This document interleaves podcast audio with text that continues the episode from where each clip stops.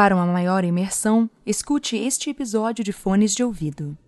Antes de começar o episódio, não se esqueça de nos seguir no Instagram, pesadelos.cast, no Twitter, pesadeloscast, e curtir nossa página no Facebook. Caso queira contribuir para o crescimento do canal, acesse apoia-se pesadelos. Aproveite o episódio e tenha bons pesadelos.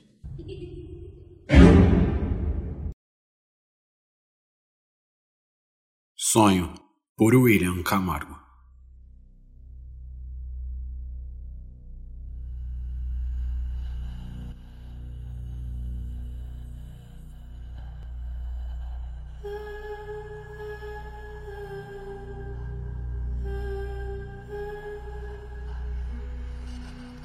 Já tive muitos sonhos.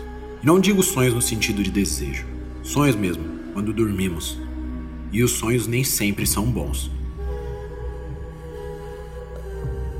Às vezes eles simplesmente não fazem sentido.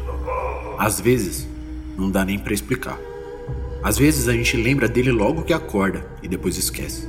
Outros gravam na memória para sempre. Mas o que de fato nunca é esquecido são os nossos pesadelos. Pesadelo é uma palavra derivada do latim, vem de pesado. Já no inglês, nightmare é uma mistura de night, que significa noite, com mare, que é um tipo de fantasma ou espírito antigo. E eu me lembro como se fosse ontem.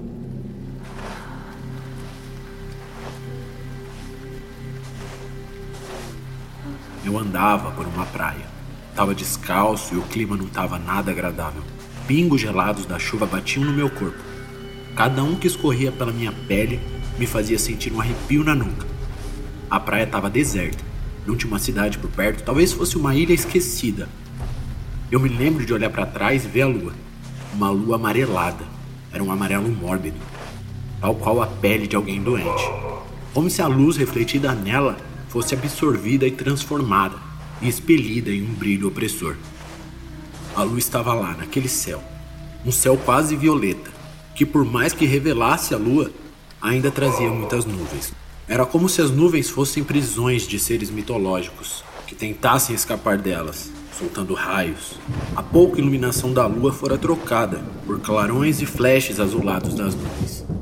E eu continuava a caminhar. Andei até certo ponto e minhas pernas doíam muito. E a dor durante o sonho é indistinguível da dor da realidade. Inclusive, a dor são impulsos elétricos e eles funcionam do mesmo jeito quando estamos dormindo. Elas doíam tanto, mas tanto que se eu parasse seria pior. Então eu continuei cambaleando pela praia, até que eu pisei em algo estranho. Tratava-se de um corvo, um corvo morto. Estava ali há algum tempo, haviam moscas e vermes pelo corpo.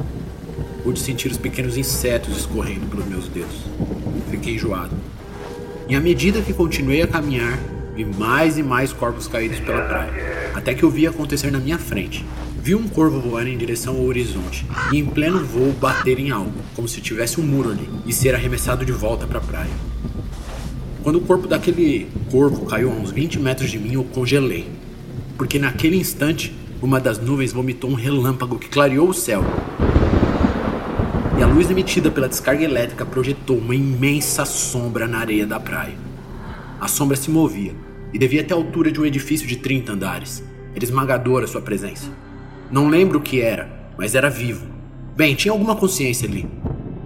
Mesmo cansado, eu corri, mas dessa vez para dentro da ilha.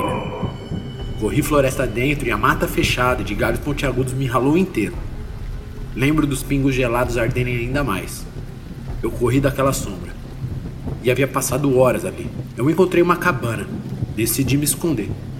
Quando abri a porta, dei de cara com um velho sentado em uma poltrona. Um velho com rugas amontoadas na testa, um cara de bravo, pouco cabelo e muita barba. Eu entrei e me desculpei, Disse a ele que precisava me esconder. Ele olhou para mim e disse: Eu já fui jovem um dia, mas acabei preso aqui. Acho que agora você está preso comigo. Aquilo fez meu coração quase parar. O velho pulou no meu pescoço e me mordeu. Só lembro dele dizer: Eu vou trocar de lugar com você. Se você não voltar para me salvar, se me largar aqui, eu vou te assombrar para sempre. E faz 10 minutos que eu acordei.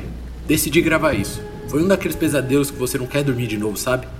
E eu fiquei com medo de não lembrar mais tarde, então eu decidi gravar. São quatro da manhã. Eu preciso voltar a dormir. Mas pensando bem, eu acho que eu não quero.